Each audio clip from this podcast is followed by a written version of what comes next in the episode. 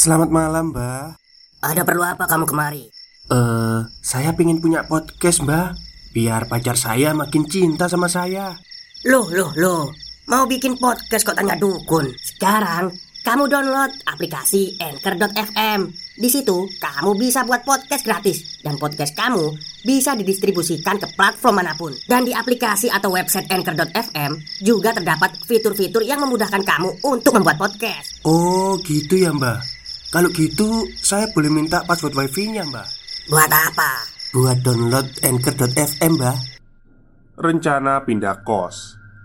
Setelah mudik, kita kembali beraktivitas di Bali. Aku sudah ada kendaraan lagi, jadi aku sudah tidak merepotkan kadek lagi. Begitu pula dengan Mbak Cempluk, dia sudah kredit motor, jadi lebih mudah kalau ke mana-mana. Setelah dua minggu aku kembali, Mas yang tinggal di kamar nomor satu pindah. Katanya kembali ke Jawa karena ada pekerjaan baru dan akan menikah. Kamar nomor dua masih tetap, tapi seperti biasa, kalau banyak orderan baju, mereka nggak tidur di kos.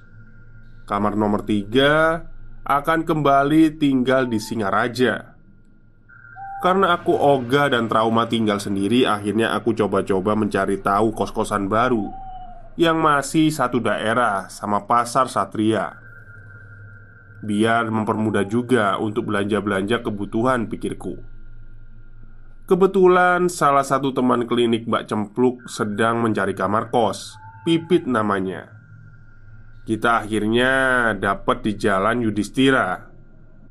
Pemiliknya kebetulan punya toko kelontong di jalan utama veteran.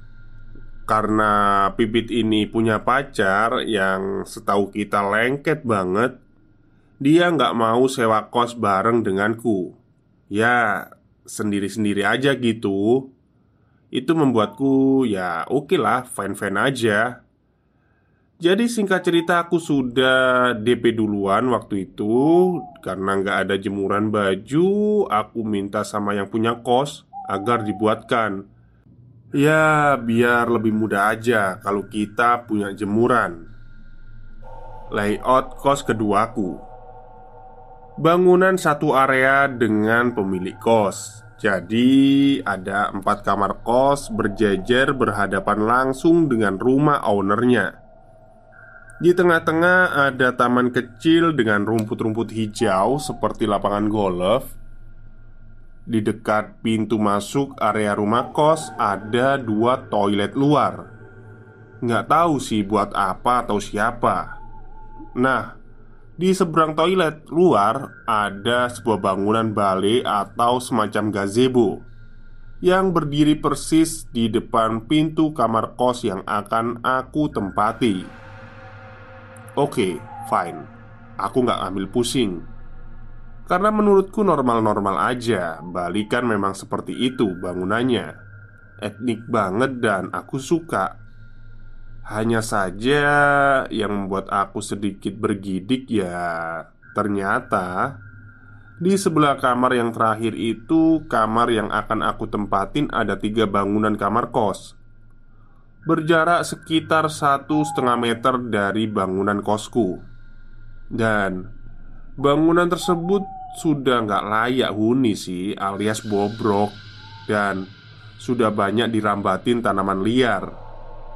Dari situ, feelingku sudah nggak enak, dan lagi sudah terlanjur DP. Aku cuma bisa bilang "waduh" dalam hatiku.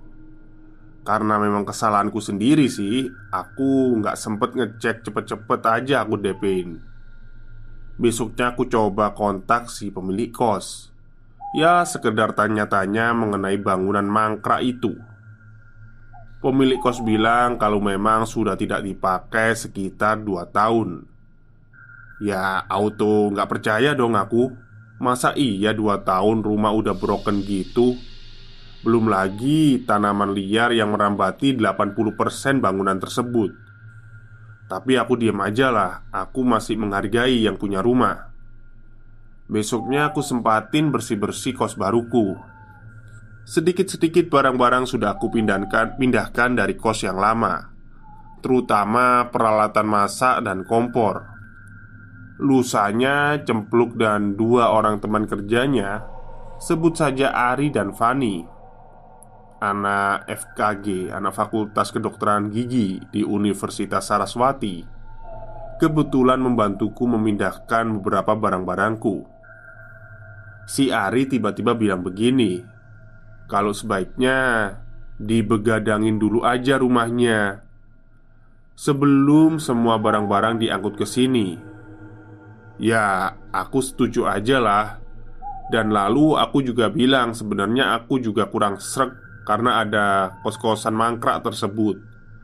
Dan lagi di pohon pisang itu, kadang-kadang aku melihat ada sosok perempuan tua pakai kamen atau baju adat Bali. Rambutnya putih panjang terurai, tapi aku cuekin Sebenarnya ada konflik kecil waktu itu juga karena ternyata si Pipit cancel kos di situ. Dia memutuskan untuk pindah ke kos pacarnya, alias kumpul. Oh, kumpul kebu ini. Jadi intinya aku sendiri lagi lah. Pas hari H kita begadang, ada empat orang dong. Kita dengar-dengar musik, tapi pelan-pelan sambil mainan remi. Pas guyon-guyon, tiba-tiba jendela kamarku seperti ada yang melempar batu. Piar, seolah semua kaca sudah hancur jatuh ke lantai. Nggak tahu itu pukul berapa. Yang jelas sudah lewat tengah malam. Kita berempat spontan lari ke depan untuk melihat, dan ternyata semuanya masih utuh tidak ada yang rusak dan pecah. Nah, pas kita mau balik, tiba-tiba wajahku dilempar ke arah ruang tengah. Tempat kita mainan kartu. Maksudnya gimana ini? Maksudnya wajahnya Mbak Dani ini dilempar gitu ya. Oke lanjutlah. Aku sama cempluk teriak barengan Padahal kamar kos itu nggak ada akses lagi hanya satu pintu keluar saja. Jadi nggak mungkin ada orang masuk keluar tanpa kita tahu. Jadi saat itu kami ini benar-benar melihat dengan mata kembala sendiri Kalau wajan itu melayang ke arah kami Oh Yang dilempar itu wajan Oke Ari dan Fani membacakan ayat kursi berkali-kali Kebetulan mereka bisa dibilang masih tahu agama lah. Jadi, mereka tetap tenang dan sambil terus baca-baca doa. Lalu gak lama kita semua dengar seperti ada orang loncat di kamar mandi. Gak pakai berlama-lama, akhirnya kita berempat keluar dari kamar itu dan kembali ke kosku yang lama. Karena memang aku masih ada durasi tinggal di situ. Sesampainya di kos lamaku, kita berempat cuma bisa geleng-geleng kepala antara percaya dan nggak percaya. Dan akhirnya aku memutuskan untuk mengcancel kos tersebut dan lanjut tinggal di kos yang lama. Aku tetap ditemani oleh Ari dan Fani ketika mengambil barang-barangku di kos itu. Mereka nggak mau terjadi apa-apa sama aku. Ya, alhamdulillah lah. Akhirnya kita semua meninggalkan kos itu. Sepeninggalan kejadian-kejadian horor tersebut yang aku alami Sekarang membuatku lebih berhati-hati lagi dan memperbaiki ibadahku. Meski kalau boleh jujur Masih bolong-bolong juga. Hingga sekitar dua tahun aku tinggal di Bali Aku berganti profesi. Saat itu aku beralih sebagai SPG mobil Jadi keliling toko-toko dan supermarket. Otomatis teman juga bertambah banyak Dikarenakan kantor tempatku bekerja ada di tengah-tengah kota Denpasar Aku berniat untuk pindah di dekat area itu Dibantu Fani Yang waktu itu sedang PDKT sama aku. Oh ternyata Fani ini laki-laki ya.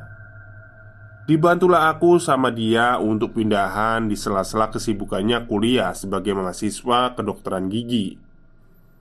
Kos yang ketiga.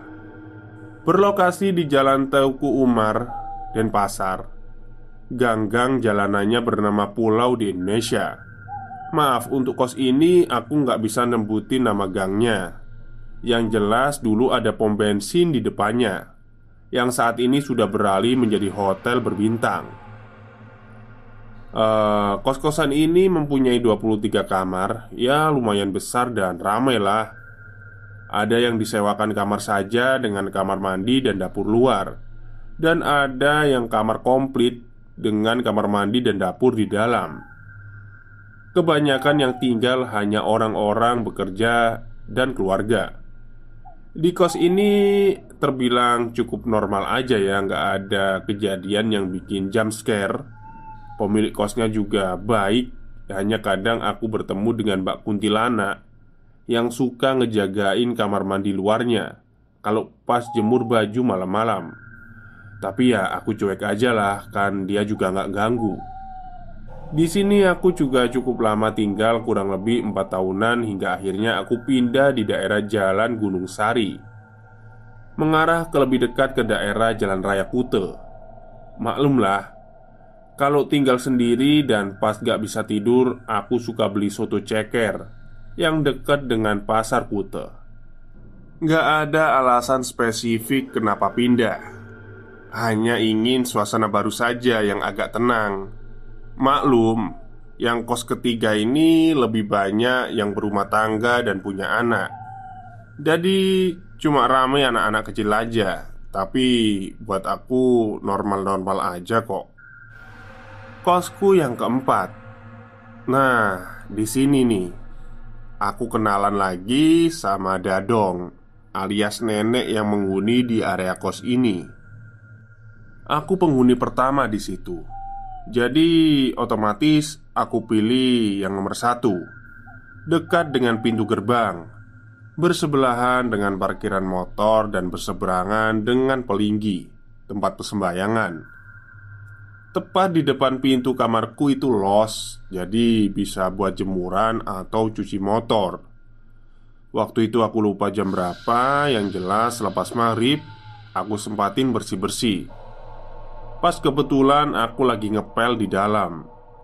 Saat aku ngepel di area dapurku Tiba-tiba aku mendengar ada orang nyapu di halaman depan kamarku. Terus terang Agak aneh. Ngapain coba nyapu-nyapu malam? Yang kondisi lampu teras itu nyala dari terasku dan pintu gerbang. Dan gerbang pun posisi terkunci jadi orang keluar masuk kan pasti aku denger ya. Itu enggak. Tiba-tiba aja aku ngedengar suara gesekan antara sapu lidi dan lantai paving. Pas aku lihat ternyata ada nenek-nenek Pakai kebaya Melotot ke arahku. Seperti tanya siapa aku, kenapa di sini? Dan ku jawab dalam hati Aku penghuni di sini. Stop, stop. Kita break sebentar jadi gimana? Kalian pengen punya podcast seperti saya? Jangan pakai dukun Pakai Anchor. Download sekarang juga. Gratis. Terus dia jawab balik Kalau dia penunggu pelinggi di area ini. Oke fine, lanjut. Yang jelas kita nggak saling ganggu dan saling menjaga Berganti minggu mulai ada penghuni baru di kos. Salah satunya ada seorang pural. Tinggal di sana dia Kumpul kebo lah. Pural itu lonte ya. Jadi dia tinggal di sana kumpul kebo sama pacarnya yang sama-sama orang Bali asli. Mereka tinggal di kamar paling ujung deretanku. Kalau boleh jujur, aku agak terganggu punya tetangga tersebut Terganggu karena tiap jam 3 Atau jam 4 pagi mereka pulang sambil keadaan mabuk. Jadi teriak-teriak ngoceh nggak karuan. Dan parahnya lagi yang ceweknya itu kayak posesif banget sama cowoknya. Nggak sekali dua kali artinya banyak lah. Mereka bertengkar teriak-teriak.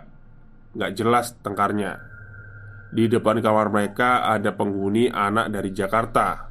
Cowok tinggal sendirian Pernah satu suatu ketika mereka bertengkar hebat dan anak dari Jakarta ini maksudnya mau ngasih tahu, tolong jangan teriak-teriak.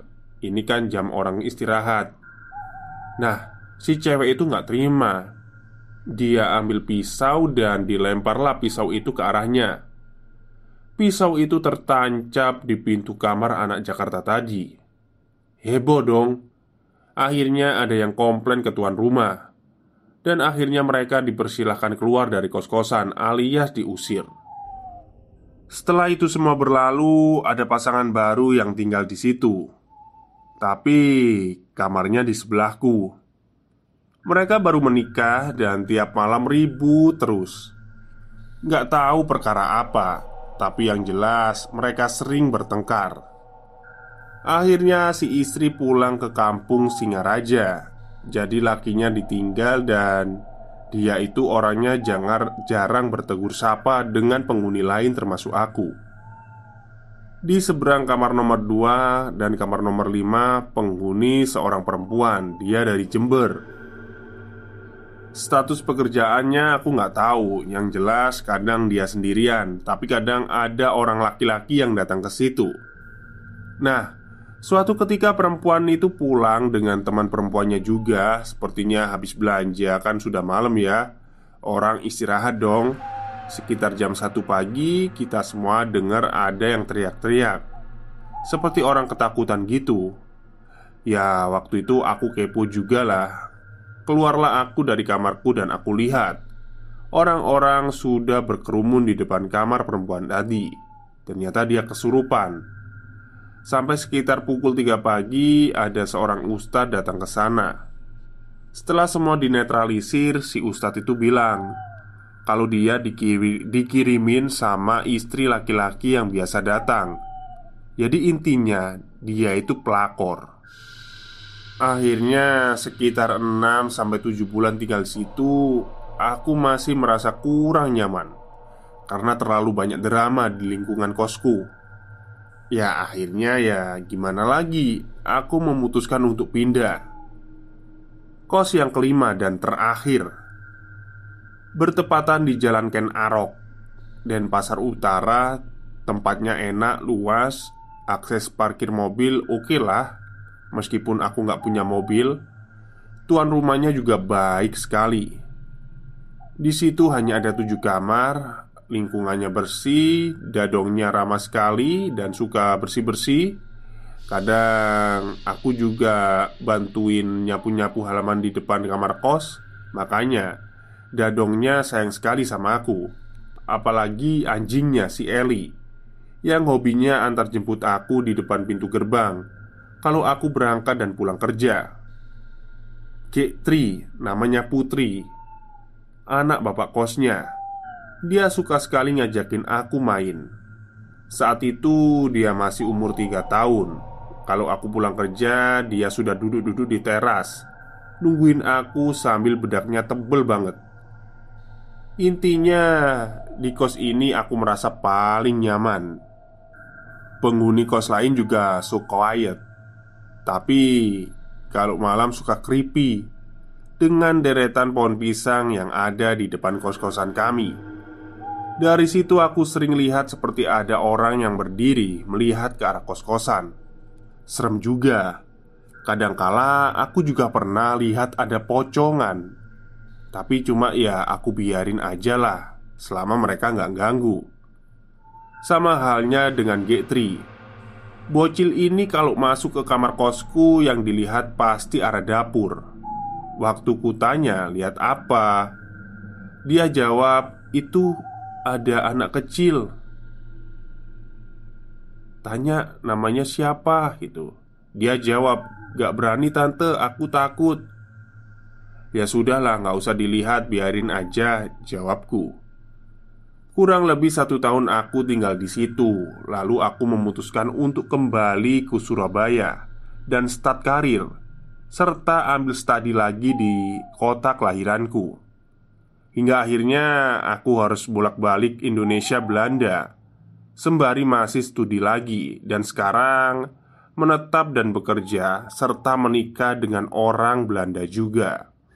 Wow. Sekian Bang Chow.